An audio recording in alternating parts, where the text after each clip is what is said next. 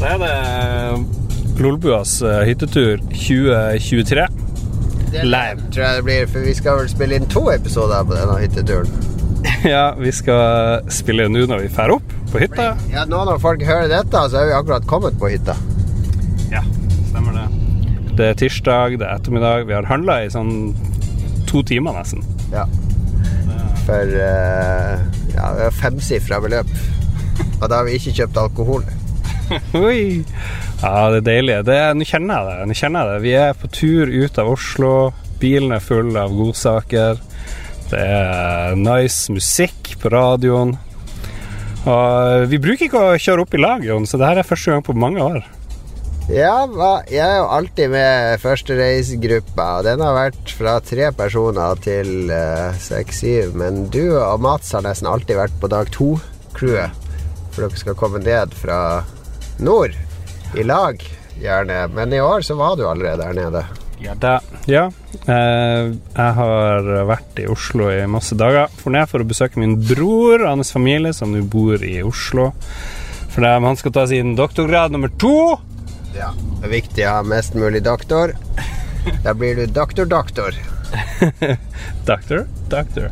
Og eh, så skal hans fru også ta en doktorgrad, så det blir tre doktorgrader på to personer. Det ja, ja, whatever, eh, spør du meg. Men det var koselig. Artig å sose oppe på, på Sognsvann og Kringsjå, der hvor han bor, for det, der bodde jo jeg. Du var student. Ja, da. Både Jeg husker naboen din, eller Espen sin, som heter Faisal Butt. Ah, det var artig. Eller Facial Butt, som vi brukte å kalle han. Ja. Det, det kunne man le av eh, back then. Det var politisk korrekt å le av sånt, da. Nå er det kanskje ikke det. Nei. Nei. Uh, hvor var du bodde? Du bodde i, i uh, Liksom når du først dro til Oslo, du bodde liksom privat hele tida? Alle vi andre måtte bo på studenthybelen. Ja, min eh, bestemor, min mormor, hun hadde en sommerleilighet i Oslo. Hun var litt velstående. Mm. Det var jo dattera til Helga Lind i Harstad. Helga Lind var jo sånn hjørnesteinsbutikk. Ja. ja. Og ja, Hun hadde en sommerleilighet som hun bare brukte om sommeren for å komme seg ned til litt sånn ordentlig Oslo-sommer. Ikke, ikke 16 grader og skiftende skydekke Harstad-sommer. Og når jeg begynte å studere, så var det liksom helt eh, greit at jeg kunne bo som student og spare penger. Så husleia var jo veldig lav når jeg flytta inn. Det var 500 i måneden eller noe. Ja. Nei, jeg husker jeg betalte under 2000 eh, på Kringsjå der. Det var deilig. Og så bodde danskene, i hvert fall en av de, på noe som het Nordnorsken. Jeg vet ikke om det fins lenger. Nordnorsk student- og elevhjem het det. Som var, var Rykter skulle ha det til at det var så vanskelig for nordlendinger å finne seg leilighet og bosted i Oslo, så de måtte ha et sånn eget, eh, eget hjem som en nordlending satte opp for dem. Hvis du var jøde eller fra Nord-Norge, så ble du dårlig behandla før i tida. Ja, ja det, det, jeg vet ikke om vi skal plassere oss i samme kategori som jødene, Lars. Nå beveger du deg rett inn i Palestina-konflikten. Ja, må- Folk fra Nord-Norge er mer snille mot folk i Gaza. Det tror jeg vi kan slå fast, i hvert fall. Men det, Er det det? Ja. ja. ja, Mats Gilbert drar jo ned for å hjelpe dem. Han er jo fra Nord-Norge delvis, i hvert Det er sant. Det er sant.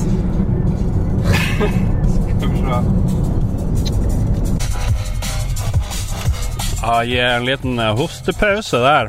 Fordi Jeg eh, er litt forkjølt. Ja, vi ble begge to uh, forkjølt Ja, i ble- forrige uke. Vi skulle egentlig feire tiårsjubileum på lørdag med lyttere og venner. Så ble jeg sjuk på tors onsdag. Ja. Vi gikk glipp av streamen vi skulle ha for Redd Barna, der vi samla inn 5000 spenn. Ah, shit, boys. Hvor mye ga du? Jeg ga 200. Jeg ga 500. I am a better man. Level Up samla inn en halv million, da. Ja, jo, det er ganske bra. Det er bra. Det er imponerende, vil jeg si. Ja.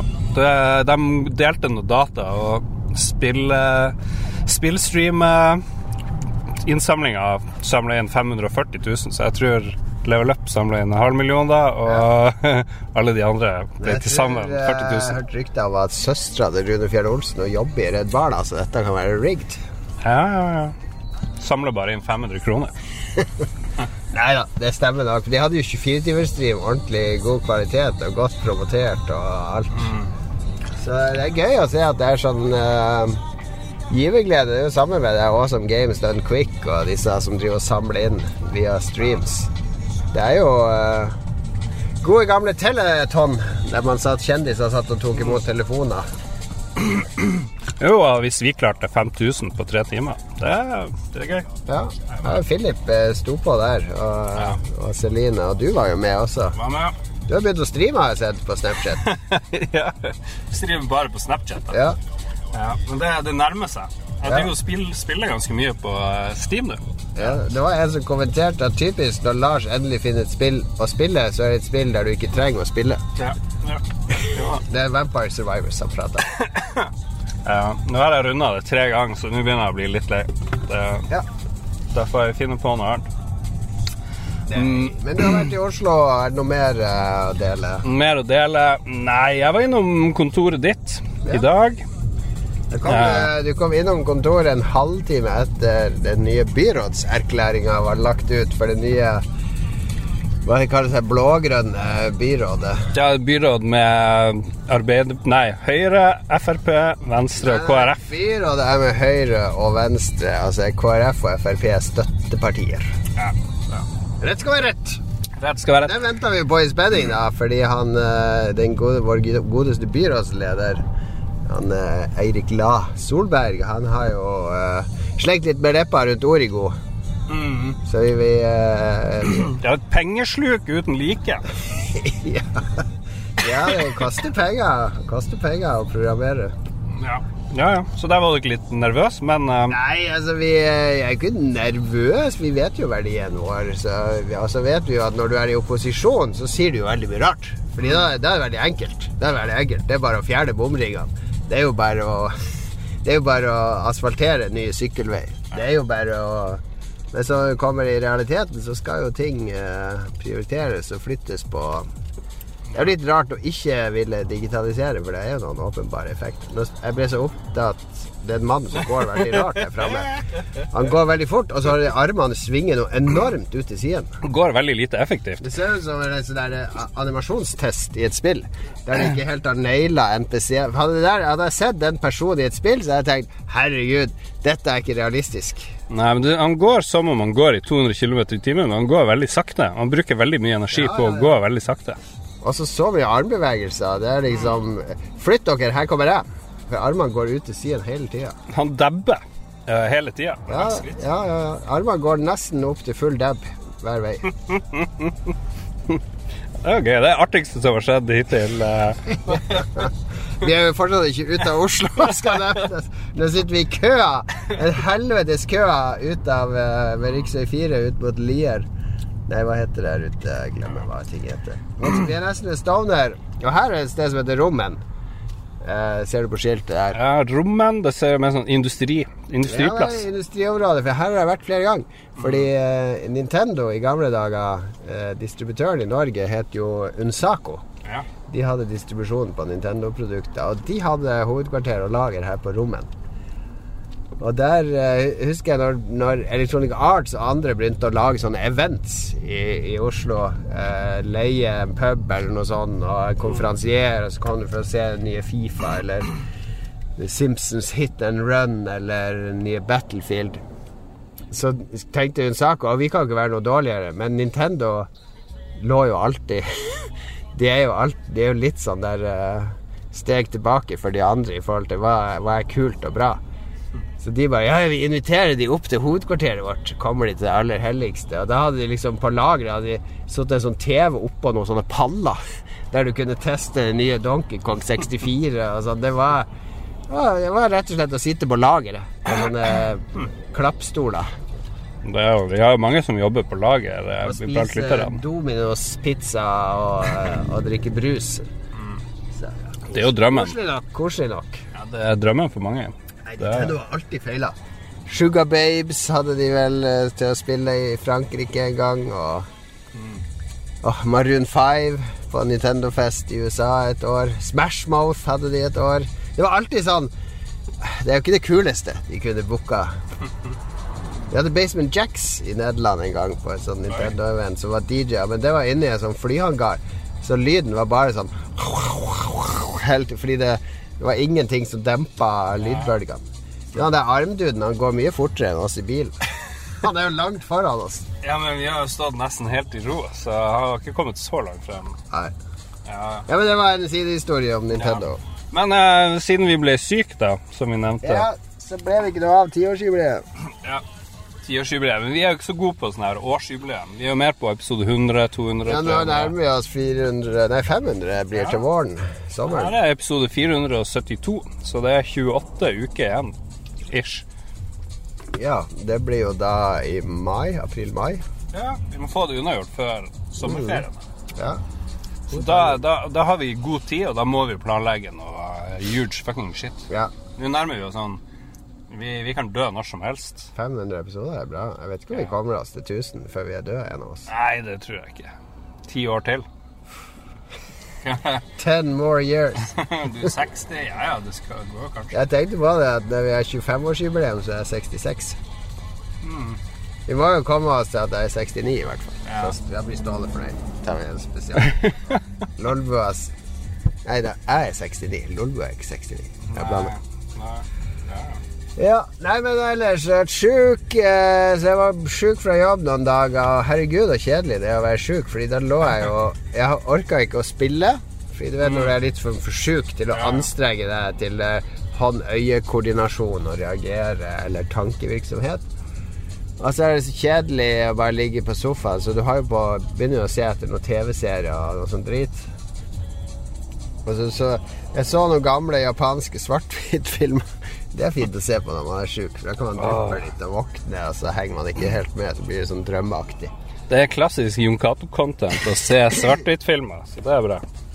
Men så eh, Jeg prøvde å se Jeg gleder meg litt til sånn ny serie på Netflix. Vanligvis ser jeg en serie med kona. Sånn som Huset, som jeg har sett ferdig nå. Knallbra! Alle må se Huset. Den er god. god. Seks episoder. Kompakt og bra. Dansk. Danske eh, gangsters.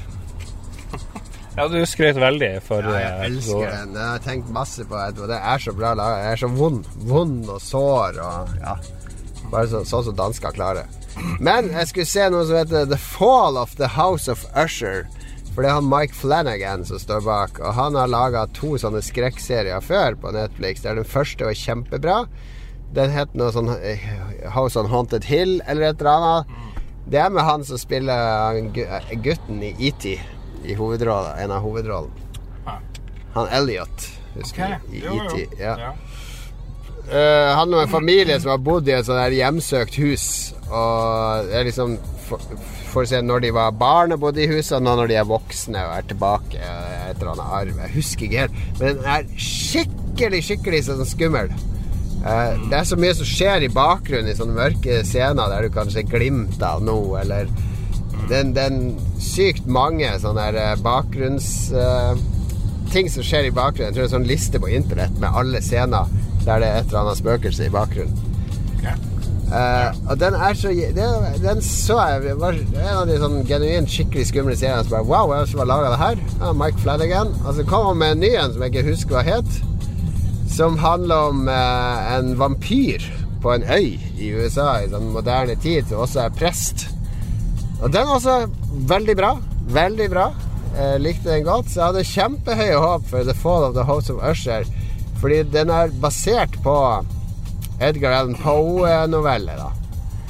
ja, for det var det jeg tenkte. Det er, det noe klassisk litteratur eh, Ja, det er basert på mange av hans noveller, sånn som eh, The Black Cat og eh, Fall- House of Usher er jo en av de. White Dog. Raven er en. ja. Det, så det, det er liksom referanser. Det er en rød tråd gjennom det. Så det tenkte jeg det, Jeg elsker jo Edgar Allan Poe. Liker Mike Flanagan. Dette må bli bra. Og selve serien er, er liksom en sånn Succession-aktig, veldig rik familie. Som har blitt rik på uh, Big Pharma, altså lage sånn avhengighetsskapende smertestillende. Så masse folk har daua. Så det er sånn rettssak mot de. Altså, Dette skjer jo med en gang, men han har liksom seks unger, han der sjefen i det selskapet. Alle de dauer jo. De er jo voksne barn, da. Dauer på sånne bestialske måter, det får du vite i første episode. Og så i hver episode får du liksom følge en, hver en av de og se hva var det som skjedde, hvorfor døde de. Og så er det noe sånn overnaturlig i den. Men problemet er det er ikke skummelt i det hele tatt. Og det er så mye klisjeer og kjedelig. Og jeg kjeda meg rett og slett i den serien, fordi det, det virker som han hadde en idé om å lage en sånn rød tråd med Edgar Allan Poe, og så har det har blitt der. Det har, det har blitt med den røde tråden. Så bare Ja, vi lager det, lager det, lager det. Det er overfladisk. Det er eh, Nei, det, jeg var skikkelig skuffa. Jeg har ikke orka å se den ferdig engang. Og det her er det der House of Usher-driten. Fall of the House of Usher. Styr unna. Og det er noe sånn fuckings drit, fordi det fikk terningkast fem i Aftenposten. Jeg kan ikke stole på det der Aftenposten sist lørdag nå, så var det tre nye TV-serier. Alle fikk terningkast fem. Det var tre nye plater, Rolling Stones og to andre. Alle fikk terningkast fem. Det var noen nye kinofilmer. Terningkast fem. terningkast fem. Det var bare terningkast fem! Hele avisen var terningkast fem! Hva er poenget med å gi alle TV-serier som kommer, er ikke terningkast fem? Det høres ut som en teknisk feil, da, egentlig. Du Nei, fordi alt når du leser Altså, Har du lest teksten på en TV-serieanmeldelse i det siste? Det er ingen som leser de tekstene, for det er sånn her Det handler om det og det. Eh, skuespillet er bra. Eh, topp scenografi. Altså, jeg husker den ene som sto noe sånn De har gjort et smart visuelt triks. Når du er i fortiden, så er det et annet fargefilter. Wha- What?! Det har de faen meg gjort i film i 40 år! Hva er dette for en ekspertanmeldelse? Altså, Jeg får ingenting ut av å lese de anmeldelsene. De bare triller høye terningkast hele tida, for det er det folket vil ha. Har dere merket at jeg må ta mikrofonen lenger og lenger unna? Ja, for dette er noe som engasjerer meg. Fordi jeg liker jo at eh, man At det, det skal være kulturkritikk, ikke bare en produktbeskrivelse. ja. ja. En sånn helsides produktbeskrivelse med terningkast fem, det er, er det journalistikk? Kan ikke du ta det opp? Du har jo connections eh, Ja, jeg har i jo Aftenposten. jeg sitter jo her og pisser i eget rede, egentlig. Ja. Men ok, for å avlede oppmerksomhet til noe helt annet. Hva er det slags område vi er i? Det er, Vi er på Stovner. Sta- er det liksom Ja, eh, ikke The ta opp ruta. Her er det pow, pow, bang, bang. Her er Ståle og rykker ut hver dag til drive-bys. Ja. Er det her liksom eh, The Nei, Ja, Det er fint her ute. Ja, ja, det er jo innvandrertungt, det er det. Okay. Ja, men det, jeg bare tenkte Siden det er så mye blokker, det ser ut som sånn Jones holder til der oppe. Jesse Jones. Pushepakker osv. Og så går trafikken utrolig treg. Hva er det med Oslo og Det er noen sånne rare lyskryss de har satt opp her, så det er alltid sånn treg. Der er lyskryss på liksom utfartsveien.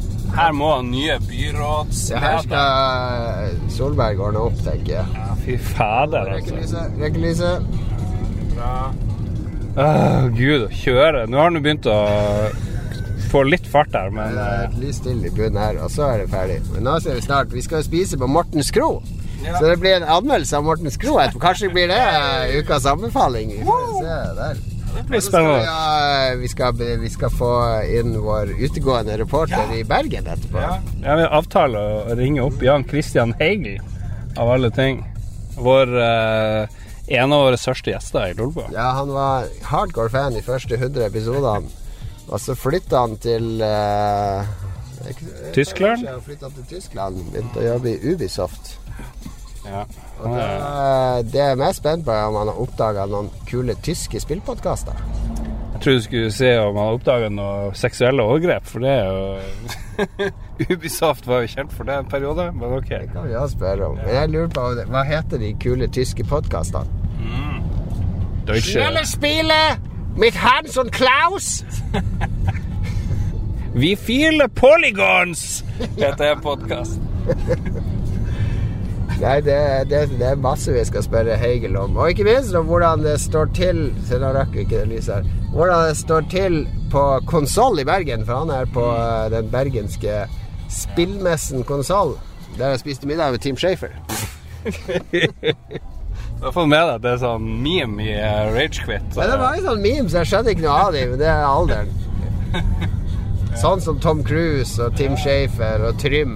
Det mange Trym! rare, rare memes. Du har produsert mange memes, veldig bra. Sigarett og bagett. Ja, ja, ja. En av mine bedre.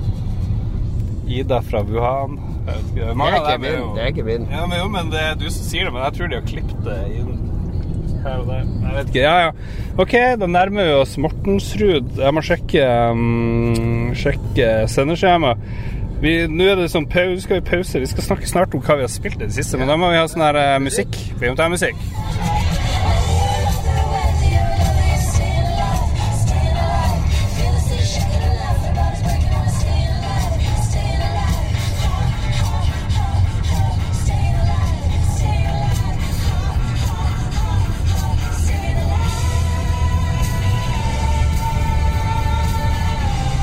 bruker å være mye lengre musikkpauser på de her hyttepodkastene.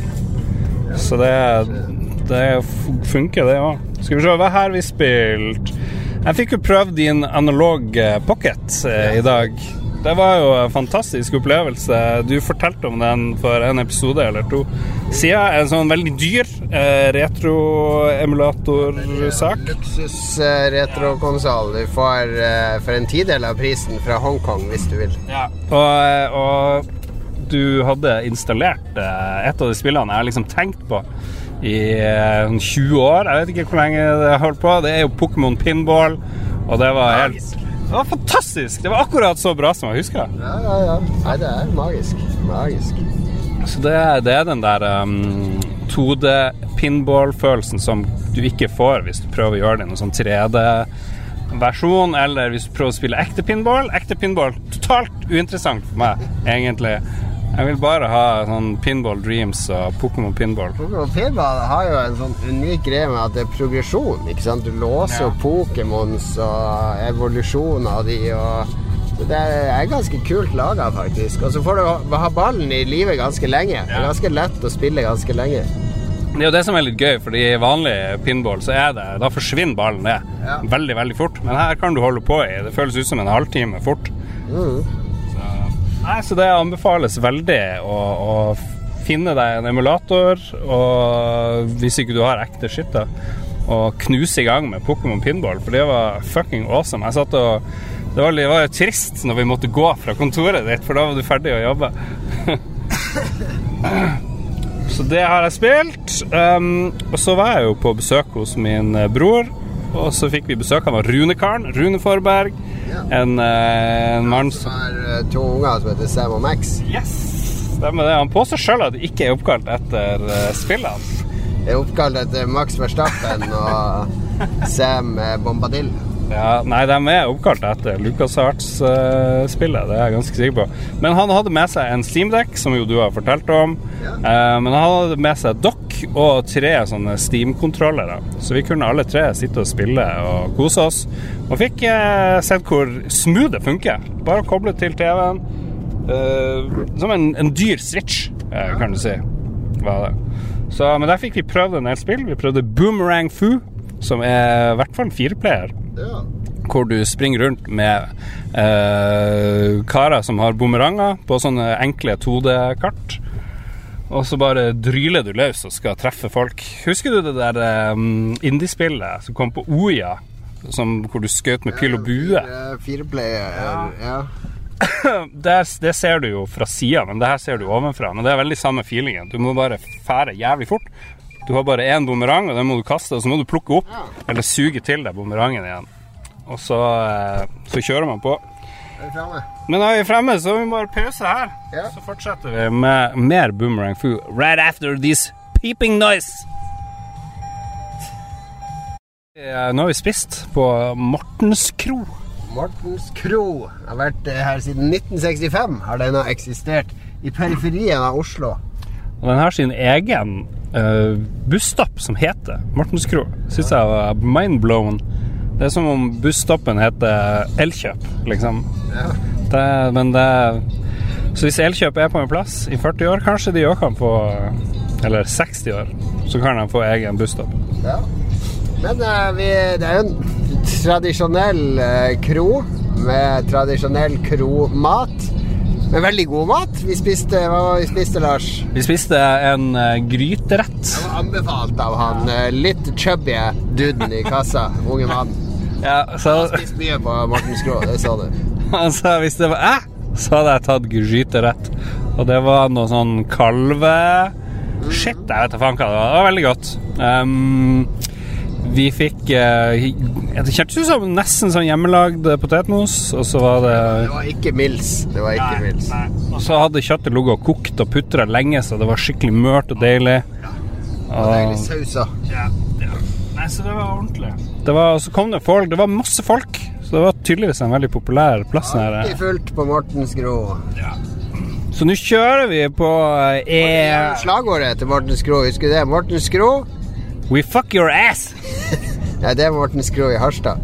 Nei, Morten Skro, der maten er god. Ja, det var det. Enkelt og greit. Det rimer. Det rimer.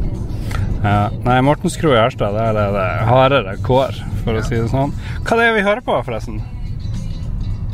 Det er et godt spørsmål. Hva hører vi på? Det var du som satt på Jeg musikken. satt på min eh, Discover Weekly, så da vet jeg jo ikke helt hva vi hører på. Det høres i hvert fall slik ut.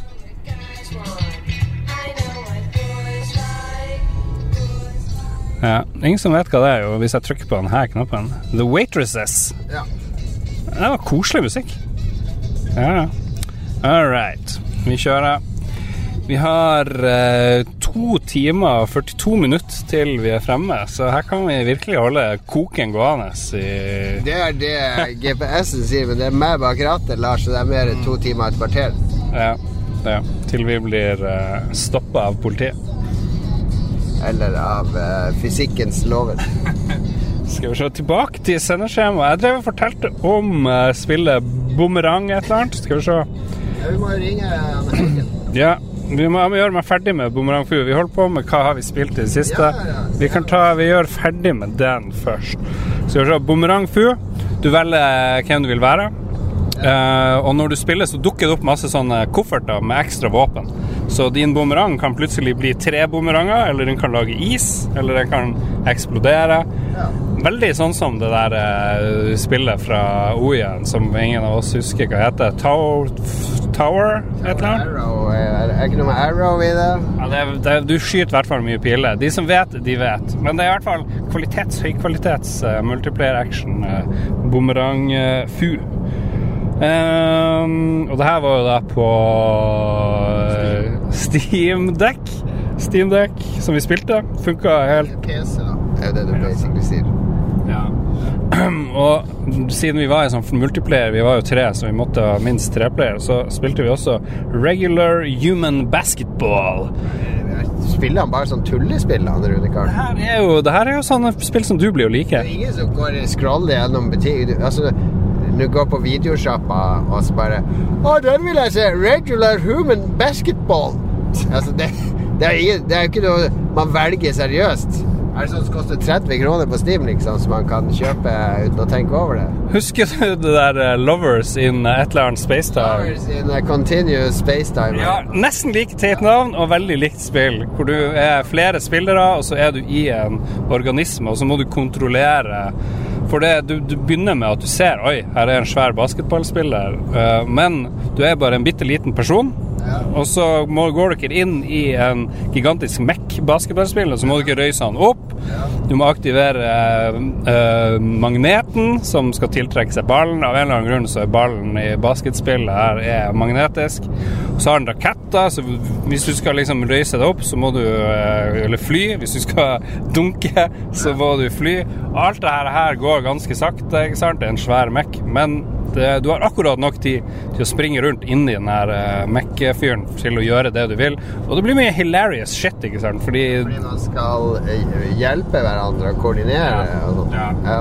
Og så kan du være to mot én. Det var vi siden vi var tre. Så vi var to på ett lag. Og så Runa spilte masse, så han knuste oss først. Men etter hvert så, så klarte vi det. For det som er genialt, er at alle kan gå inn i hvilken som helst eh, robot-basketballspiller. så du kan fære og sabotere og drive og trykke på masse knapper du egentlig ikke skal trykke på inne hos eh, fienden. Så ja. Eh, Et utradisjonelt navn i regular human basketball, men helt eh, superdupert. Lite dal. Det er her de lager fyrstikk. De lever av fyrstikk. Ja, ja, ja. Fyrtikk. Altså, de eksporterer fyrtikken til Harta. Ja. Det blir bra. Er ikke sånn spøk? Skal til Harta og kjøpe fyrtikk. Ja. Det, det, Sånn det brant i Tromsø. Jeg har ikke helt skjønt eh, Det er i hvert fall ingen i Harstad som tar seg nær av den vitsen. Ja, men det er jo tromsøværinger man harselerer med. ja. Skal til Harta og kjøpe fyrtikk. Ja, jeg har aldri skjønt det der. Jeg trodde det var en børn. Harta, Så drar du ikke til Harta og kjøper fyrtikk. Da er, er du jo der allerede. Det er i hvert fall sånn jeg oppfatta det. Ja. Det veldig Det var mye fiendskap mellom byer i Nord-Norge før i tida. egentlig det. Ja, Harstad og Narvik var jo sånn der Men er ikke det måte for nordlendinger å vise kjærlighet og si uh, uh, uh, Og så dreit han Lars på seg, og det bare rant bæsj nedover, og kona bare hylte! Ja, det er min måte å si at jeg er glad i deg på. At jeg forteller en historie som skjemmer deg ut, eller der du fremstår som en idiot. Ja, men det vet ikke helt om det funker sånn. Det er jo alle sånne nordnorske historier i Rorbua er jo sånn Han logopeden, for eksempel. Ja, det, jeg vet, den er ikke politisk korrekt. Søk på logopeden Rorbua på YouTube, så skal du få den mest nordnorske og litt sånn politisk ukorrekt eh, vits. Et uh, solid tips. Skal vi se, da anmeldte jeg to Anbefalte jeg to spill. Um, jo, Cato, har du spilt det her Super Mario Wonder? Ja, jeg har faktisk uh, det. What? Det er det nyeste spillet i Super Mario-serien. Som ikke må forveksles med New Super Mario Bros.-serien. For det er litt komplisert i Mario-kronologien for tida. Fordi Mario meldte jo overgang til 3D, ikke sant, med Super Mario eh, 64. Ja. For lenge siden. Det er 25 år siden. Amazing spill. Veldig bra, og det var en veldig vellykket overgang. Og det har blitt flere 3D Mario-spill, og nesten alle er gode. Mario Sunshine er kanskje ikke det beste, men du har liksom Mario Galaxy 1 og 2, og du har Mario Odyssey. Mange magiske 3D-opplevelser. Ja. Jeg vil jo si at 3D-plattform spill det er De beste Mario-spillene er over de andre. Det er ikke noen som gjør det så bra. Eh, men eh, samtidig så anerkjente vel Nintendo at det var noen sånn nostalgikere som likte 2D Mario, og da kom det en serie som heter New Super Mario Bros. Ja, og der, det er jeg er jo tradisjonelt eh, en sånn old school nostalgiker, men Ja. eh, der er jeg mer sånn på nye 3D-Mario og de Ja. her eh, fake 2D. For det, det ligner på 2D, men det er jo ikke Du får ikke den her 2D-feelingen.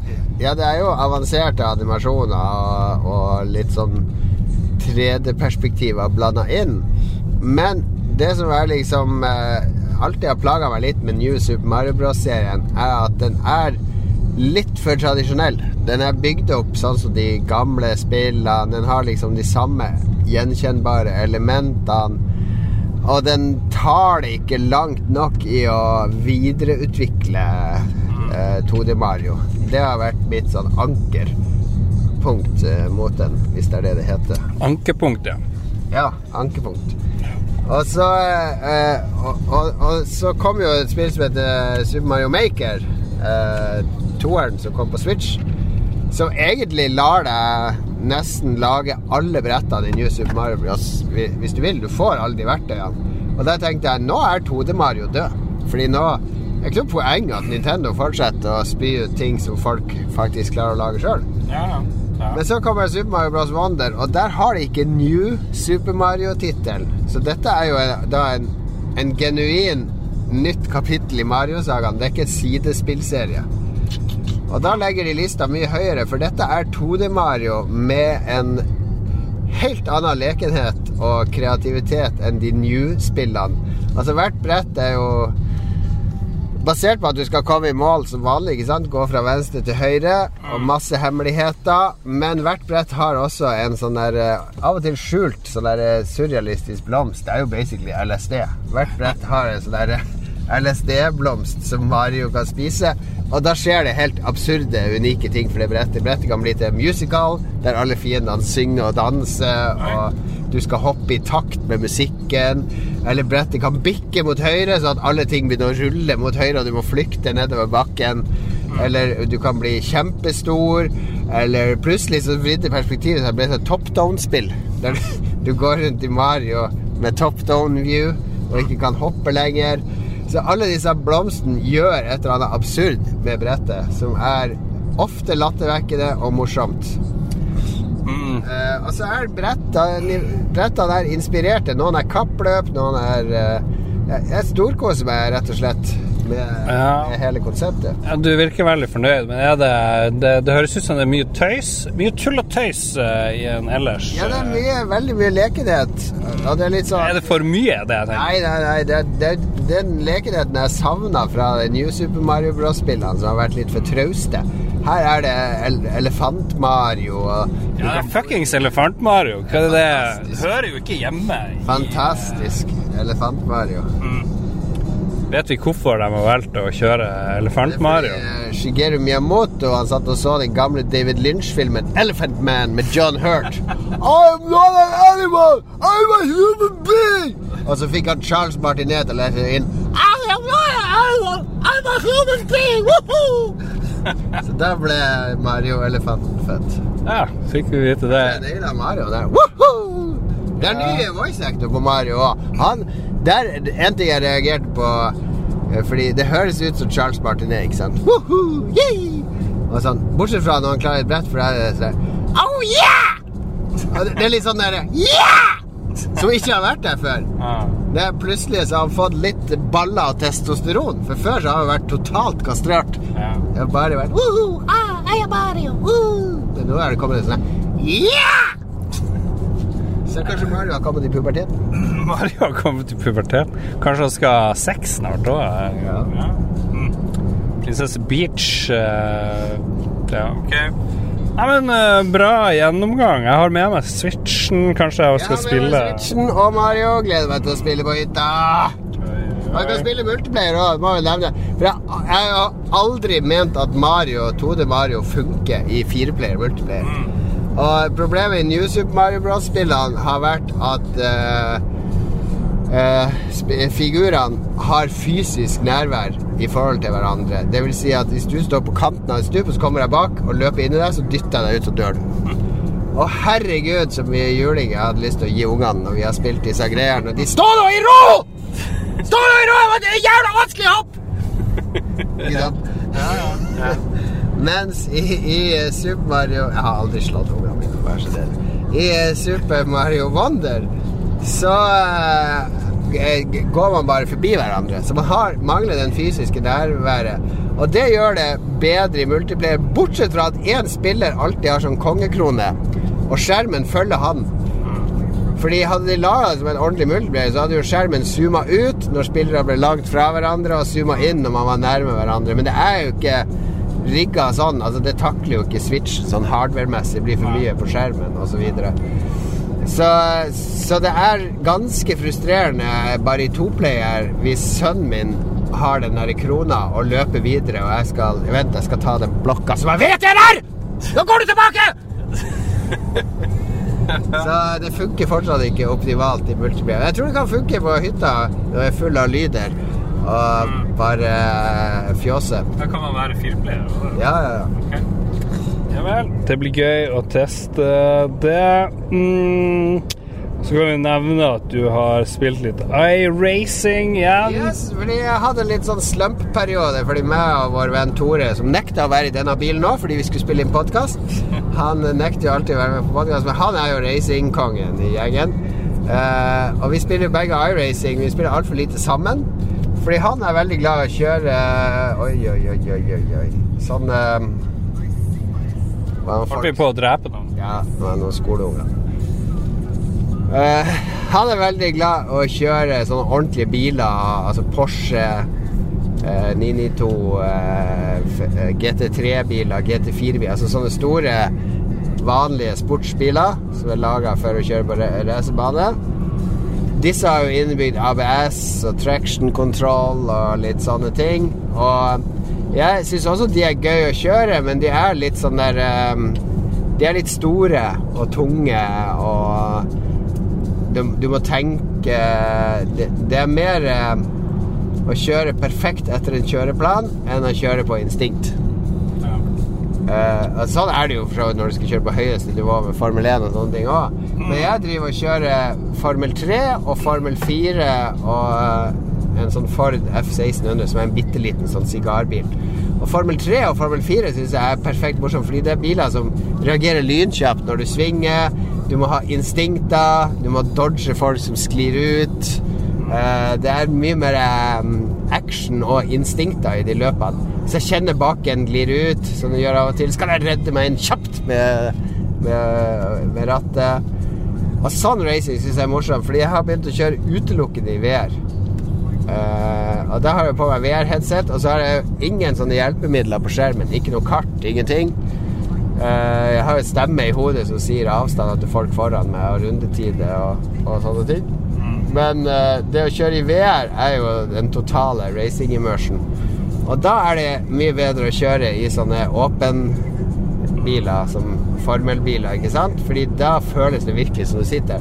Mens i disse lukka bilene så er det gjerne en sånn smal vindusstripe er jo det du ser, og så er det masse interiør. Ja. Mens her så, sitter, jeg- så tar jeg hodet til side, så ser jeg han som kjører i 200 km i timen én meter til venstre for meg. Han må liksom sitte og ta hodet til side og følge med, og hvem er det som bremser sist? og er superintens. Så nå er det kun VR-racing på iRacing. Formel 4, Formel 3, eh, der jeg koser meg for øyeblikket. Mye kaos. Jeg liker kaos i løpene mine. Og amerikanere som sitter i voice channel. What the fuck, dude? Det har kommet nye Hva det var Meta Quest 3? Er det det? Ja, den har kommet. Det, fikk, fikk litt skryt. så den. Eh, Jeg vet, om, jeg vet ikke om jeg er klar for å kjøpe VR riktig ennå, men uh, det nærmer seg jo litt. Ja. Det gjør det. Men bruker jo eh, kun til eh, racing. Ja. Det, det, der er det perfekt. Og porno. Eh, ingen kommentar. ok. Skal vi jo Da tar vi og prøver å ringe opp han Jan Christian Yes. Hegel. Skal vi se Let's call the man. Vi prøver han først på På iMessage. Ser vi hva som skjer.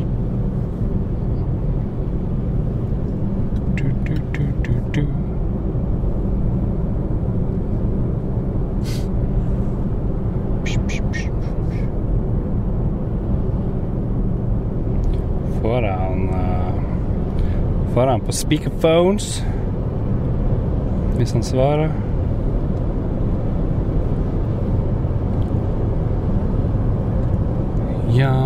Jan hey girl. Du, du, du, du, du. Ok, da prøver vi hans tyske nummer i stedet. German number. Um,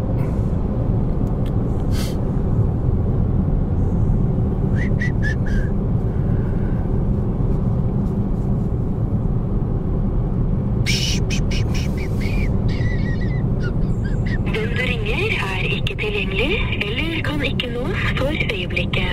God damn it! Senere. Burde jo vært en tysk det stemme som sa det der. Ja, hvorfor fikk vi sånn norsk? Verdammte Dummkopf, du hast ein Nummer! Es ist nicht äh, anwendbar! Det et ØRN-nummer, Jeg vet faen. Er Det det... er sikkert han. Hallo? Hallo Jan! Hallo, um, Halloi! Halloi! Hallaisen, gutter. Hvordan står det til? Det går bra. Guten Abend. Guten Abend, genau. Direkte von Bergen. Vår bergenskorrespondent eh, Jan Christian, og også Lolbuas største fan de første 100 episodene, og så flytta du til Tyskland. Hva er din favorittpodkast i Tyskland, da? Det må være noen bra tyske spillpodkaster? Jeg jeg har ikke noen podkaster å gjøre på i Tyskland, dessverre. Nei. Eh, det, det er vanskelig. Ja. Det er så masse dialekter, vet du. sant? Det er lenge siden vi har hørt fra deg, Christian. Du jobber i Ubisoft nå, det stemmer det? Ja da, ja, jeg jobber i Ubisoft om dagen, så det er kjempespennende. Det er noe eh, Så Hva er det du gjør i Ubisoft? Er du motion eh, actor? Ja, det, det var kjempegøy å være motion actor, men eh, nei, nei, jeg, jeg er tester. Jeg vet, jeg passer på at spillene deres funker som de skal. Ja. Hva var den største feilen du fant i Assassin's Creed Mirage? Nei, Største feilen jeg fant i Assassin's Creed Mirage, var jo det at jeg ikke jobbet på det. Så det må jo være desidert det største feilen. sant? Altså, det er jo helt feil studio og feil land, så da blir det jævla vanskelig. Vi har spekulert mye i hva som skjer med det der Black Flag-spillet. Det, det, det er mye bak kulissene. Skull and Bones, ja. Skull and Bones. Ja, Jeg er veldig spent sjøl. Jeg er veldig spent sjøl. Vi får ikke, han blir altfor proff! Vi får ikke noe ut av det, Lars. Ja, vi, vi må være lurere. Vi må Du, Jeg, jeg kan ikke fortelle for mange hemmeligheter. Vet du. Det, så alle vet jo at det er er internasjonal, så når Yv sitter og hører på at Jan fra Main sier alle, røper alle hemmelighetene, så, så blir det forferdelig for meg. Det går ikke. Jan Christian, nå kjører vi forbi masse sånne her satellittantenner. Sånne gigantiske. her. Det ser ut som Ja, ok, da, da må vi være ekstra forsiktige, sier du. Nå blir, nå blir eh, Microsoft, eh, jeg mener Ubisoft, å få med seg i hvert fall alt eh, vi sier. Hva er det slags eh, plass det er? Det er X-Files. Det er skikkelig sånn X-Files-plass. Men Nei, eh, ja, Jan Christian, du vi, kan... vi, ja, vi ringer jo for konsoll, egentlig. For du har Ja. reist eh, til Bergen og fra Tyskland for å delta Ja. på eh, spillkonvensjon konsoll. Ja. Norges største spillutviklerkonferanse, vet du. Det er viktig å stille opp når man kan. og vise og få inn litt sånn internasjonalitet i hele konferansen. Sant? Nå er det jo heldigvis ikke bare jeg som er fra utlandet. Vi har jo masse kule speakers fra hele verden som dukker opp, sant? så det er jo spenstige saker. Og dag én fullførtes for en liten halvtime siden, og blir det fest om noen timer. Ja. Det blir spenstig. Ja, altså, det, Da har jeg jobbet litt mindre team og enda mindre igjen, og nå er jo jeg på et litt større team. Men det, kule hos oss nå er jo at eh, anno-teamet i Mainz det er jo kanskje 100 folk eller noe sånt. og vi er, Det føles litt ut som at du jobber med en mindre gruppe. Så har du liksom de andre teamene i bygget vårt da, som jobber liksom på Beyond Good and Evil 2, og liksom sitter med code development med mange andre studioer i hele verden. Sant? Altså, du har jo, det er jo Montpellier og gud, hvor, hvem vet jeg hva andre studioer som jobber på det. Sant? Det er jo det er altfor mange folk, så det er alltid så det er litt uh, nicer å være én lokasjon, da. Så jeg merker jo liksom det at eh, de andre større spillene er jo mye større pga. de trenger masse, masse, masse mer folk enn hva f.eks. vi trenger. Og det gjør at teamet vårt jobber ganske effektivt og, og veldig godt sammen. Og det du ser, det tenker du det kan funke i Norge òg, på et vis? Hvis man hadde Hvis alt lå til rette for det? Alt, alt, alt trenger skatt, skattelette fra arbeidende for å starte og jobbe med spill. Du ser jo det funker jo utmerket i alle andre land som har begynt med det. så det er jo, og Da får du de teamene som er kanskje sånn 50-100 folk og leverer fantastiske ting. og Trenger ikke være redd eh, for at eh, ja, nå må vi bli enda større for en liten periode, for å så bli kvitt folk igjen på en mindre periode. Ja. Er gode tanker. Fikk du hjerteinfarkt når du kom tilbake til Norge og kjøpte din første øl og betalte 140 kroner? Vet Jeg kjøpte en sandwich i går Ja. og en kaffe. Det ble på 228 kroner. Jeg trodde skulle daue. Jeg ble helt satt ut. Jeg spurte til kassedamen er det riktig. Og hun bare ja. Jeg bare, nei, ok, jeg måtte bare si veldig flaut. Jeg har ikke bodd i Norge på en stund, måtte jeg bare si. Ja. Nei, jeg ser det. Hvordan stiller du deg til Bybanen? Det er jo et hett tema i Nei, Bybanen er alltid fantastisk. Det er ingen diskusjon. Den er alltid, den lager piper veldig mye om dagen. Men eh, ellers er den ganske grei. Er det, er det offentlig? Jeg husker ikke hva det er du jobber på nå? Eh, Det er anno, vet du. Anno! Annonserer. Så, Jeg drømmer om et anno 1349. Det året svartedauden kom til Norge. Det hadde vært anno med black metal-musikk. Det vært kjempekult. Ja.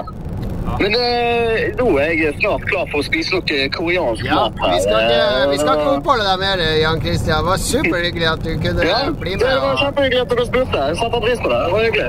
ja. Ja. Peis på. Hils eh, Bergen. Skal jeg gjøre det? Jeg skal gjøre det. All right, tusen takk. Dette skal være Jan Christian sin skål! Ja, men det var Tusen takk. Vi Kos, snakkes. kos. Hei. For en kjælekar, Lars. Jeg har savna Jan Christian. Han, var, faen, han var på en måte den aller første litt sånn faste lytteren vi hadde, husker du det? For han sendte inn lyttebidrag hver gang. Det første, så han la vi tidlig merke til. Han ble vel gjest også i episode 30. Han, eh, han var jo eh, Xbox-predikanten, egentlig, en stund. Så tror jeg han tatoverte noe sånn her Halo eller Xbox òg. Ja, så jeg er så glad når han eh, fikk jobb i Han var tester mange år i Norge og, og, og fikk jobb i Ubisoft. Og det er altså det er ikke kødd. Det er, bransjen i Norge er så liten, ikke sant? så den, den går jo i de samme mønstrene og gjør de samme feilene, og alle skal prøve på de samme tingene. eh. Det, det er ikke Det beste du kan gjøre, er å dra til utlandet, se hva som skjer der, utvide perspektivet, og så komme tilbake.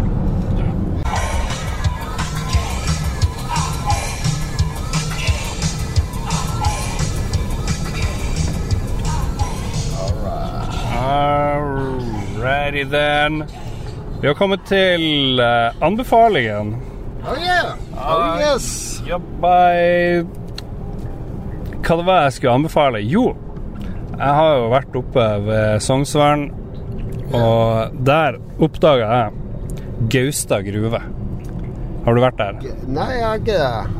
Det er en Nok så mye tur der, for det er så jævla mange folk som går der oppe ved Sognsvann. Ja. Det Det er jo som uh, å gå i Harstad sentrum under Festspillene.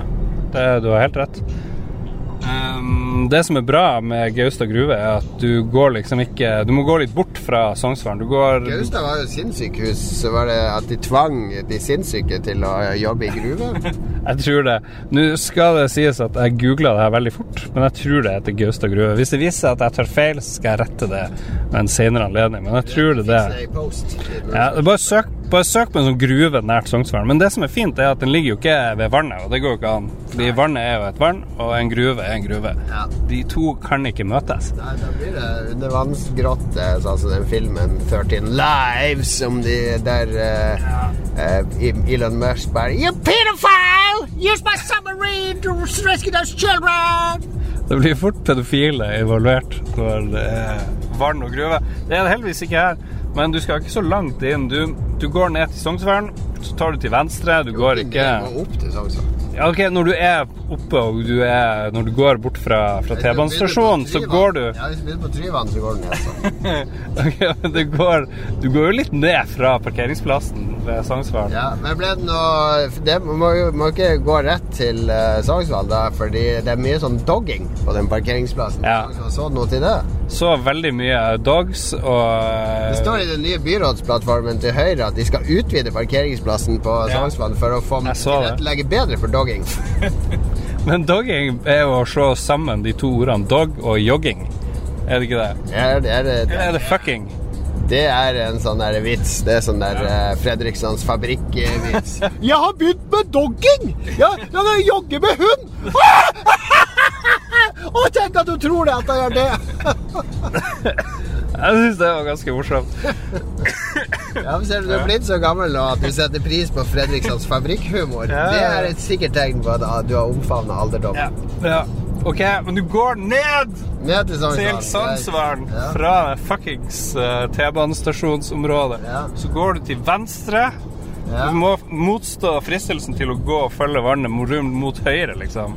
Sånn som Ja. alle gjør. Ja, du må gå mot klokka. Ja, Du må gå mot klokka, og du går bort, og så helt på, på Før du skal liksom Når du har gått eh, til venstre, og Oh, før du begynner å liksom gå ut mot havet igjen, for å si det sånn, så tar du av tar en, Ok, vi, vi må ta en liten pause. Det er en, eh, en tungtransport som bare blender oss noe som faen.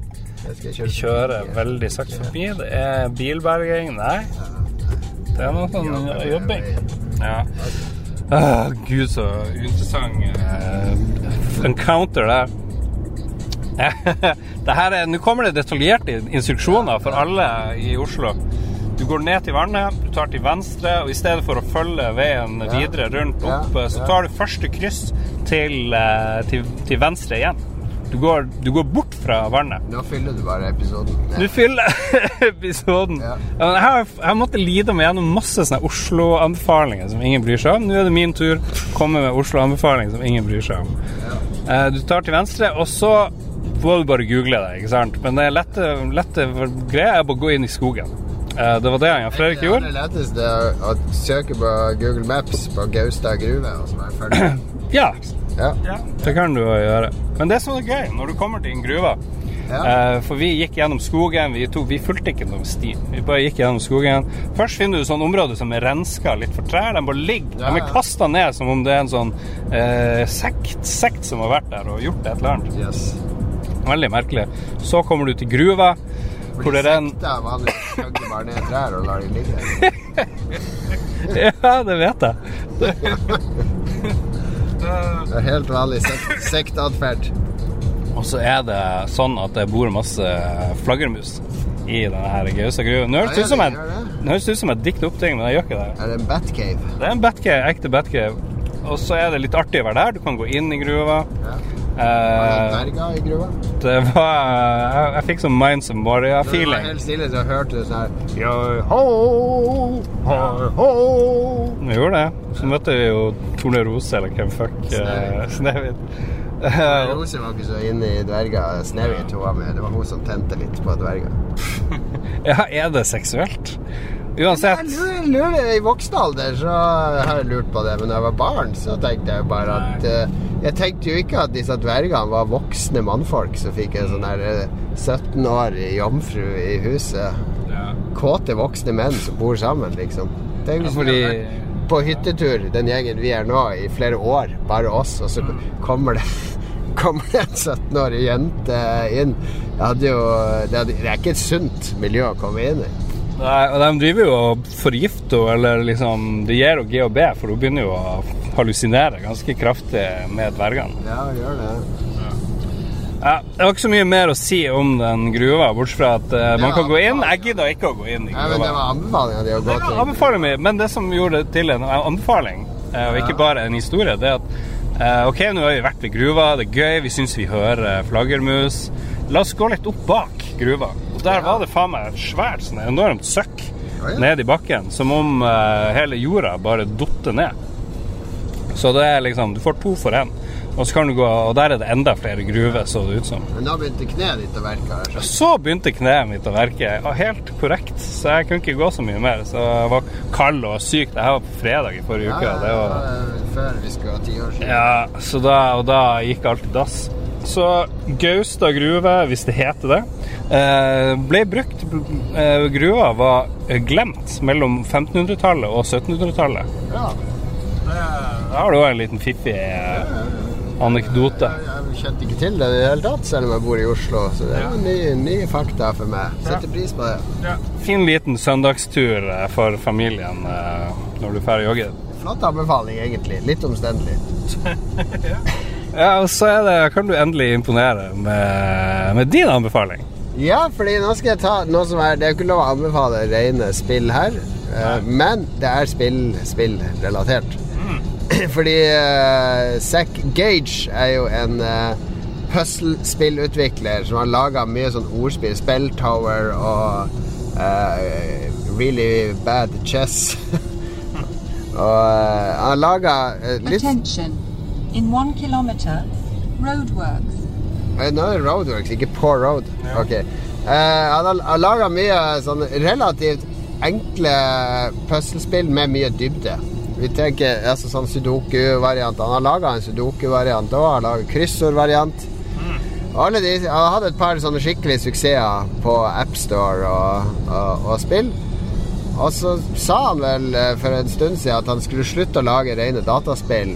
Men det han har jobba på de siste årene sammen med noen, er en nettside for sånne puslespill som oppdateres daglig med nye spill. Eh, og den eh, launcha de for en uke siden. Det heter puzzmo.com. P-u-z-z-m-o.com. Pussymode?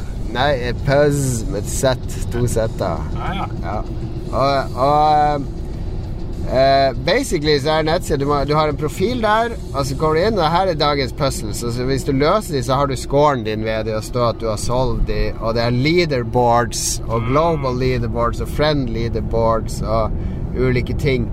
Og hver dag så er det nye puzzles. Et nytt kryssord, en ny, nye ordgåte, en ny spelltower osv. Eh, og eh, for det første så fikk jeg jo sånn absurd FOMO når han launcha det her, for jeg har jo likt alle spillene. Så yes, dette må jeg teste. Men nei da, de, fordi nettsida Det er ikke så mye serverkraft ennå, og vi driver og jobber med disse leaderboardene og sånn. Så vi slipper inn 500 om dagen. Altså deler ut 500 keys hver dag. Så på et visst tidspunkt på dagen så er det 500 keys tilgjengelig. For å få en key, det er ikke bare å skrive inn e-posten din. Da må du løse dagens puzzle som dukker opp. Så jeg satt jo der den ene dagen, så kom det puzzle der du skal egentlig skal rulle sånne utvalgte bokstaver og lage eh, nok ord til at du har brukt opp alle bokstavene. Det, er vanskelig å forklare, men det er veldig intuitivt. Og sitter jeg og stresser, for jeg ser de nøklene er på 220, 190, 60 Altså, da jeg endelig klarte det, så var de nede på null, så jeg fikk ingen kode. Men så har jeg registrert, jeg hadde registrert e-mailen min. Så, og det var å registrere e-mail, så får du en mail fem minutter før de annonserer på Twitter at uh, nye koder er tilgjengelig. Så da tenker jeg ok, i morgen så går det. Men da var jeg i et møte når den mail kom. Og så tenkte jeg i morgen så går det. Og da satt jeg jo klar ved middagsbordet. Satt og spiste middag, så kom det en mail som bare Ja, må jeg, jeg må fokusere. Sorry.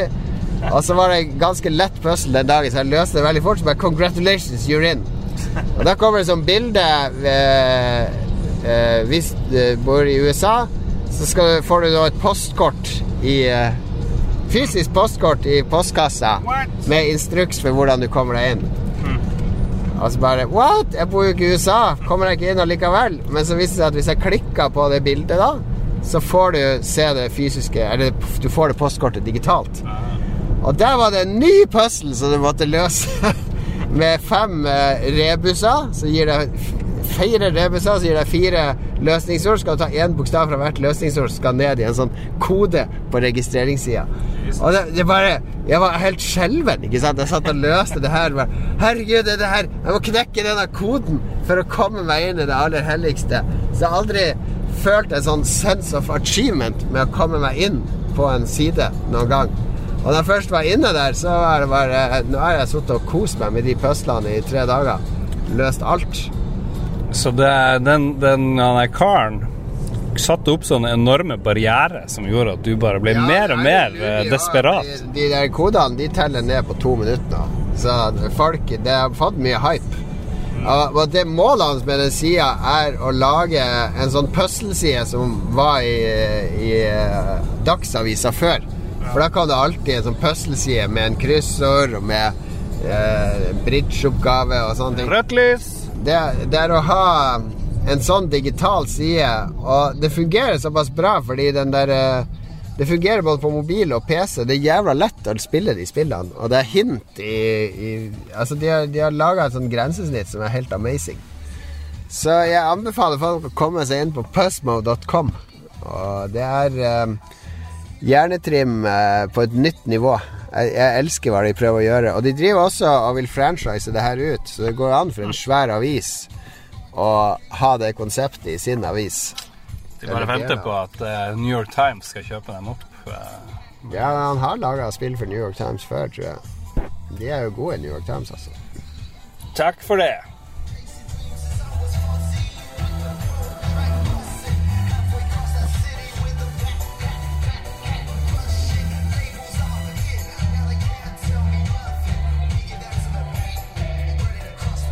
Det var legendariske Zack Moray, som vi alle kjenner. Han er australsk eh, død mann.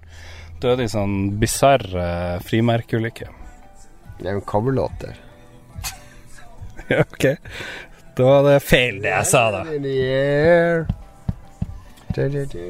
Vi har lytterspalte. Har vi det òg? Ja, ja. Oh, Jesus Christ. Vi ikke engang i bilen blir vi kvitt de lytterne. Nei, vi gjør ikke det. Ehm, tirsdag samles Jon Cato og meg i et trangt studio. Oi, der, der. Vi har så Ja. mye stæsj i baksetet at hvis vi krasjer, så dør vi av en agurk i bakhodet. Det gjør vi. Uh, hva skal vi snakke om? Og Per Søvik tar oss eh, på kornet her og lurer på hva vi Hva er vårt forhold til klaustrofobi? Oi. Eh, tja Har du noen gang lidd av klaustrofobi som du husker? Nei, egentlig ikke. Aldri kjent på følelsen av klaus. Uh, Hvis du blir begravd levende, hvor eh, det har jeg kjent litt på på film, med sånn der eh, når du blir begravd i en likkiste. Det tror jeg synes Men så lenge jeg kan stå, så tror jeg det kan være så trangt som mulig. Hvis jeg må ligge og ikke kan reise meg opp, da tror jeg jeg hadde fått klaus hvis jeg ble sperra inn i en boks. Så hvis du skal bli begravd i en kiste, så hvis du blir stående, så er det helt greit? Jeg begraver meg levende så lenge kista står rett opp og ned. Ja, men jeg er for så vidt enig der. Jeg er det. Skal vi se. Magnus Eide Sandstad skriver Otrivin og Curamed, vann og avløp. Eh, jeg møtte jo Magnus Eide Sandstad i går. Du har lunsja med han, det har du ikke fortalt om. Nei. Han er jo fast lytter, også kjent eh, for podkasten Er det dritt, som holdt eh, Er det dritt? på det noen år. Optiker, ja vel. Optiker. eh, Landets beste optiker. Ja, jeg vil si så. Jobber i brilleland. En optiker som ikke bruker briller sjøl. Han bruker briller. Ja, nettopp. Eller er du pålagt å bruke briller hvis Nei, du er- optiker? Jeg vet hva, jeg har sett masse optikere, og de bruker linse når de er hjemme, og så hiver de på seg briller når de er på jobb. Sikkert er Falske briller. Så, men det han viste meg, det var jo de her eh, metabrillene, eller hva faen det er for noe, med, med lyd i. Og ja, det er noe Jeg husker ikke hvem det var som lagde det Han har drevet og delt dem i sosiale medier og delt det på oss. Det er, ja, det er sånn Ray-Ban med, med mm, kamera. Det er som de her Google-brillene som forsvant, fordi det var sikkert bare pedofile som brukte de. Så eh, jeg spurte han jo hvor bra de er å bruke i badeland og sånn, men det visste han ikke. Filmprat i podkasten. Ja, det er dårlig. Dårlig gjort. Men jeg fikk prøve de. Du har en sånn knapp på ene brillestanga, og da trykker du, og så sier det 'knips'. Og så sa han at hvis du filmer, så lyser brillen. Så det, det er jo vanskelig å gjøre det sånn inkognito, men det kan man jo hacke, selvfølgelig. Det er Hele poenget. Ja, man skulle jo tro det. Men det virka litt artig. Eh, vi må get back to us, Magnus, med hva det var, de der brillene. Det virka ganske morsomt. Så morsomt at du sitter og gjesper. Ja, det er sånn Den der gryteretten det, og ølet her Armen har gått i magen. Nå er jeg klar for å sove litt. Ivars Kro. Vi slenger bare ekstra anbefaling på Ivars Kro, altså. Nei, Mortens. Kro. Ja, Ja. ja den må anbefales. Meget bra. Inngangen til Nittedal ute av Oslo. Mortens Kro. Skal vi se. Christer Lysaker sier dere må åpenbart snakke om hva det lukter. Nå eh, lukter, synes jeg det lukter stearin. Litt sånn svidd. Ja, det gjør det. Hæ. Bilen driver og Jeg skylder alltid på bilen foran når det er lukt i bilen. Ragnar Veien Tundal, hvilken følelse eller opplevelse fra et spill jakter vi på som vi realistisk sett vet at vi ikke vil oppleve igjen? Mm, tenker han på f.eks. da vi spilte et helt Samantha Fox stripoker for første gang, og så den følelsen kommer vi ikke til å oppleve igjen. Ja, jeg er ikke helt sikker på jeg skjønner spørsmålet. Nei, jeg tenker den følelsen av å spille Grand Theft Auto 3 er jo litt sånn vanskelig å gjenskape, tenker jeg. Det er jo ren begrepsrealisme at ingenting som vi opplever, kommer vi noen gang til å oppleve igjen. Fordi det kommer alltid til å være noen mm, bitte små endringer i parametrene. Så Veldig eh, i, I praksis er det umulig, den jakten på å gjenoppleve noe. Det blir som å ta heroin eh, stadig mer og jakte på mange av de mektigste spilleopplevelsene er jo ikke spillet isolert sett, men konteksten du spiller det i òg. F.eks. at det var sommerferie og du døgna med Altså, vi- vi har jo et veldig gode minner fra Gabriel Night 2. Fordi vi satt i kjellerstua di seint utpå kveld, natta, sommer, sol ute. Veldig- fri, Og ingen uh, Vi hadde en, en uh, rapport, som det heter på engelsk, med det spillet. Som gjorde det til vår vår- Vi får jo tulla med Schatzenjäger og Kommissar Leiber.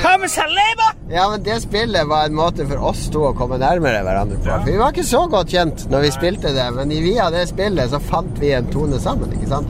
Så det er en større kontekst rundt den opplevelsen enn eh, Nå skal jeg sette meg ned og spille Gabriel Knight 2, og det spillet isolert sett skal gi meg en opplevelse. For meg har mange spilleopplevelser en sånn kontekst. Puzzle Bubble og oss som sitter og hører på eh, Hyperstate på radioen og tenker Der skulle vi vært. Men vi koser oss her med Puzzle Bubble. Idioter. Ja, ja. Vi hadde vært andre mennesker hvis vi hadde Dratt på Hyperstate? Ja, ja Vi hadde, blitt, eh, vi hadde vært narkovrak allerede. Ja, minst. All right. Så er vi bare vrak. Ja, nei, det er artige tanker. Det er, det er jo sammen med musikk òg. Ja. Du husker jo veldig, veldig godt hvor du var og hva du gjorde eh, ofte på, på det. Um, Håkon Puntervold, vår venn. Han vil, og sier vi bør snakke om Super Mario Wonder, for det er et kongespill. Ja, det har vi snakka om allerede. Helt enig. En av mine favoritt-react-videoer fra Twitch, det er jo når Puntervold eh, Når Mario blir en elefant for første gang, og Puntervoll var eh, Han imploderer på seg sjøl. Begynner å gråte, Ja, det er- nærmest. Ja. Det er total disbelief. Mm, bra at du koser deg, Håkon. Eh, gleder meg til vi treffes igjen. Thomas L. Washington Holmedal han lurer på hva det villeste vi har eh, gjort for å få content til Lolbua. Um, uh, vi Han har barbert håret mitt. ja, ja, ja, ja. Ja, det er jo gøy. Da vi for og- til en frisør og skulle måle hvem hadde mest hår, taperen måtte barbere seg. Det var ganske bra. Jeg- Da vi drev og, og egla oss inn på han Major Nelson i uh, USA for å få noe lyd til Lolbua, det var også gøy. Han er jo en skjell. Altså, han uh, jeez, Det var ikke Det er hans jobb å levere content til oss. Nei, har vi Men det får jo også Du hadde jo veldig god eh, rapport. Herregud, jeg har hengt meg opp i det ordet. Med hun der, eh, der Ubisoft-host-dama. Hun eh, Og Aisha Tyler. Aisha, ja, vi sto jo i kø med henne på, på EA Nei, på Ubisoft, der du flørta litt. Ja da. Du er veldig god å flørte, Lars. Det skal du ha. Tusen takk. Flørta med hun der eh, 18-årige kassadama på Meny litt nå. Ja, det er sånn. That's how I Det er roll. naturlig for deg å flørte. Jo, det gjør det. På skjermen. Jeg husker en av de morsomme tingene òg på E3. Det var det jeg sto Jeg eller vi sto i kø for å prøve Skyrim, eller hva det var for noe. Ja. Eller eh, Nei, det må ha vært et Far Cry, jeg husker ikke. Hvor jeg drev og spurte Det er jo min type, type humor, hvor jeg spurte en av uh, booth-folkene om uh, hvordan shouts man hadde i Far Cry.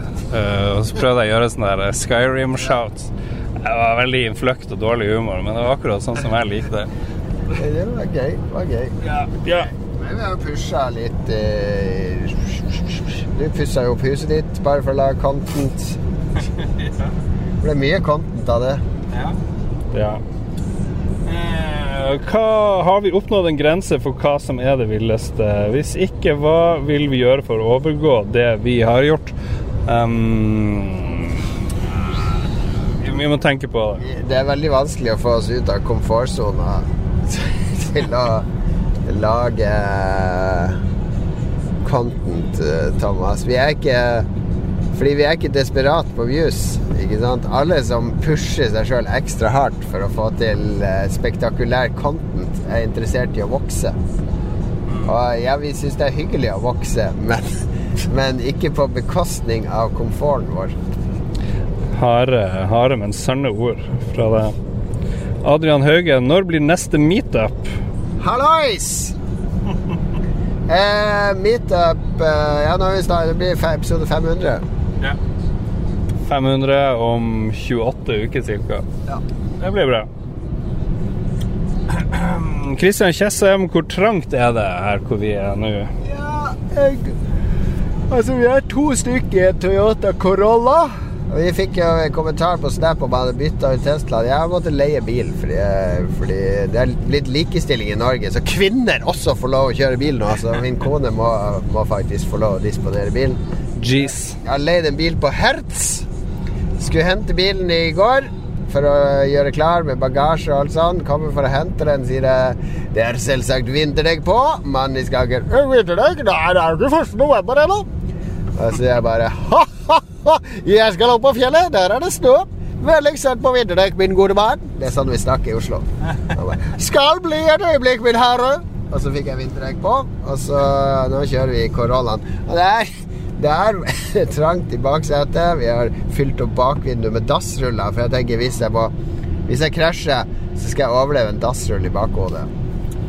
Eh, skalaen på hvor trangt det er fra 0 til 16. Det er ikke sånn at vi tar på hverandre. Det er det ikke. Ja, du tok på meg nå. Ja, det var for å illustrere at jeg må faktisk anstrenge meg for å komme bort til det. Det er ganske trangt. Um, Jan Erik Sogn Nybråten vil at vi skal snakke om MetaQuest 3. Det har vi faktisk vært innom. Eh, God kritikk. Min sønn har MetaQuest 2. og det holder nok for han en stund, fordi han spiller jo bare det der forferdelige gorillatek hele tida. Gorillatech. Gorillatag. Det er Ah, ja. gorillasisten. Det er okay. beinløse gorillaer, han får vifte med armene hele tida for å kaste, hoppe og svinge seg rundt. Og så har han på voicechat på fullt, og så er de er sånn fem-seks kids som spiller samtidig veldig mye engelske kids. Bare, What's that? Wait, watch out! It's going back there. What are you doing? I'll get out that! Oh, guys, I know a secret. det, er, det er en kakofo. Det er som å sitte i en barneskole uten kontroll og høre på eh, gutter som jatter. Men det, er, det går visst ut på å leke sisten med de gorillaene. Jeg har aldri prøvd det sjøl. Ja vel. Um, Kristoffer Karlsen sier Hva kan Jon Cato som industriveteran si om uh, hva Forbi Bertas, der de lager Bertas pepperkake og sitronhalvmåne. Sitronhalvmåne. Skal vi begynne på nytt? Kristoffer Karlsen vil eh, høre hva du kan si som industriveteran om bakgrunnen til det angivelige makkverket som er Skull Island Rise of Kong. Det er vel et spill som har fått forferdelig dårlig kritikk. Slett jobb fra utviklerne eller kyniske pengefolk eh, som står bak. Hva var det? Skull Island? Var det i forbindelse med filmen som kom? Det Ja, Det, det er vel et nytt spill som har blitt slakta veldig. Jeg vet ikke. Jeg har bare sett en overskrift. Jeg vet ikke. Vi vet, vi må komme tilbake til det. Eh, Det som jeg kan si fra industrien, er at det er veldig få utviklere som setter seg for å lage noe dritt. De fleste har en idé som de tenker er god, eh, som de har lyst til å gjennomføre, og så skjer det ting underveis. Det er mange faktorer som kan spille inn. Det ene er at man ikke er dyktig nok. eh, At man overscoper noe så det blir såpass komplekst at vi klarer ikke å levere på den originale visjonen. Og så må man levere et kompromiss der det blir åpenbart for spillerne at eh, dette er ikke det det burde ha vært. Eh, fordi man har alltid en tidsfrist. Fordi for hver minutt som går, hver time som går, så renner det penger ut av en sparegris. Eh, en spillutvikler i USA Jeg tror de Hva er det de Hvis du har et studio i USA med 100 utviklere, så må du regne med at hver utvikler koster 10 000 dollar i måneden. Og det, ikke sant? Da regner du husleie og lisenser og velferdsgoder og skatt og alt sånt inn. Så 10 000 dollar per hode i, eh, i måneden. Så da kan du regne sjøl hvis du har ti ansatte. 10, det er 100 000 dollar i måneden. Det er en mill i måneden, basically, i utgifter. Men er det en, eh, en eh, oppskrift på business å lage litt sånn shit? Eh, Så jeg sier, Man vil jo ikke lage skitt, men det kan komme omstendigheter. Et av det kan være at man ikke har ferdigheter nok til å liksom eh, spisse konseptet ned til noe som er morsomt. Altså avgrense ting og få til en core loop og et eller annet som fungerer og som er appellerende. Det andre kan være at eh, de pengene man henter inn, kommer med en rekke forventninger og styringer fra en utgiver til hva sluttproduktet skal bli. Det tredje kan være at eh, en avtale går Se den der Double Fine-dokumentaren som jeg har nevnt før. Så kan du se alle faktorene som kommer inn på veien. Og der står Double Fine i en masse vanskelige valg med at her kan vi Nå har vi kniven på strupen. Vi kan desperat prøve å finne mer penger nå og satse på å realisere den orig originale visjonen. Eller så har man et genuint valg at vi kan røske sammen noe av det vi har, og få det ferdig, og så gå videre til neste prosjekt. For det fakta også er at ethvert spill som er laga, også de kjempegode spillene Alle som utvikler det spillet, de hater det spillet. Og de begynner å hate det sånn midtveis i utviklinga, for da er du stuck. Det, det å gå på jobb er som å gå inn i en hengemyr hver dag med en million bugs, og der ingenting flyter, og der du går og innbiller deg at en eller annen dag kommer dette til å se bra ut og føles bra og være bra. Eh, så, så man har veldig lyst til å begynne på et nytt prosjekt i den fasen, for det er gøy å begynne på et nytt prosjekt. For da er, all, da er det blanke ark. Da er ikke all dritten og ballasten der. Så, så det, det som kan skje, ikke sant, at du kommer midtveis, og pengene begynner å renne ut, og du har valget mellom å Vi må utvide utviklingstida med halvannet år og finne nye penger. Ah, Skal vi være stuck i det her halvannet år til? Eller vi kan røske det sammen på tre måneder, så blir det noen sånn halvferdige greier. Og så Kanskje finner man ikke penger og blir nødt til å gjøre det. For det er tross alt bedre å gi ut noe og få noe inntekt enn å Nei, da får vi heller bare gå konkurs og gå hjem og, og leve på vann og brød. Så det er masse som spiller inn. Fordi det er Det, det er ikke folk som sitter i en eh, eh, sosialdemokratisk boble med, med en citizen eh, income i bunn som gjør at de kan utvikle spill helt til de er perfekte. Veldig, veldig godt sagt. Da tror jeg vi sparer resten av spørsmålene til eh, Neste episode. neste episode. Så takker vi bare produsentene. Vi takker dem som om vi er på Hvor vi er henne nå? Vi er på Hov. Vi takker dem som om vi er på Hov, og da sier vi tusen takk til TTMX MP. Du Jarlsberg, kom på Hov! Circle K har varmepølse til deg, både for, uh, for munn og anus. Kristin Lysager, er det du som har den jævla fuckings Toyotaen som bare kjørte rett foran oss? Så nå jeg skal knuse deg. Ja. Bjørslå, vi elsker deg, Bjørslå. Nå skal vi inn på Rema 1000. Der skal vi spørre om vi får Bjørslå-rabatt. Herregud, nå er det så dårlig her. Ja, det er veldig dårlig, men vi skylder alt på han Kong Hong. Kong Hong, det er din skyld! Du og alle andre patrions, tusen takk for at dere hører på. We love you all. Goodbye. Har du et enkeltpersonforetak eller en liten bedrift? Da er du sikkert lei av å høre meg snakke om hvor enkelt det er med kvitteringer og bilag i fiken, så vi eh, gir oss her, vi. Fordi vi liker enkelt. Fiken superenkelt regnskap.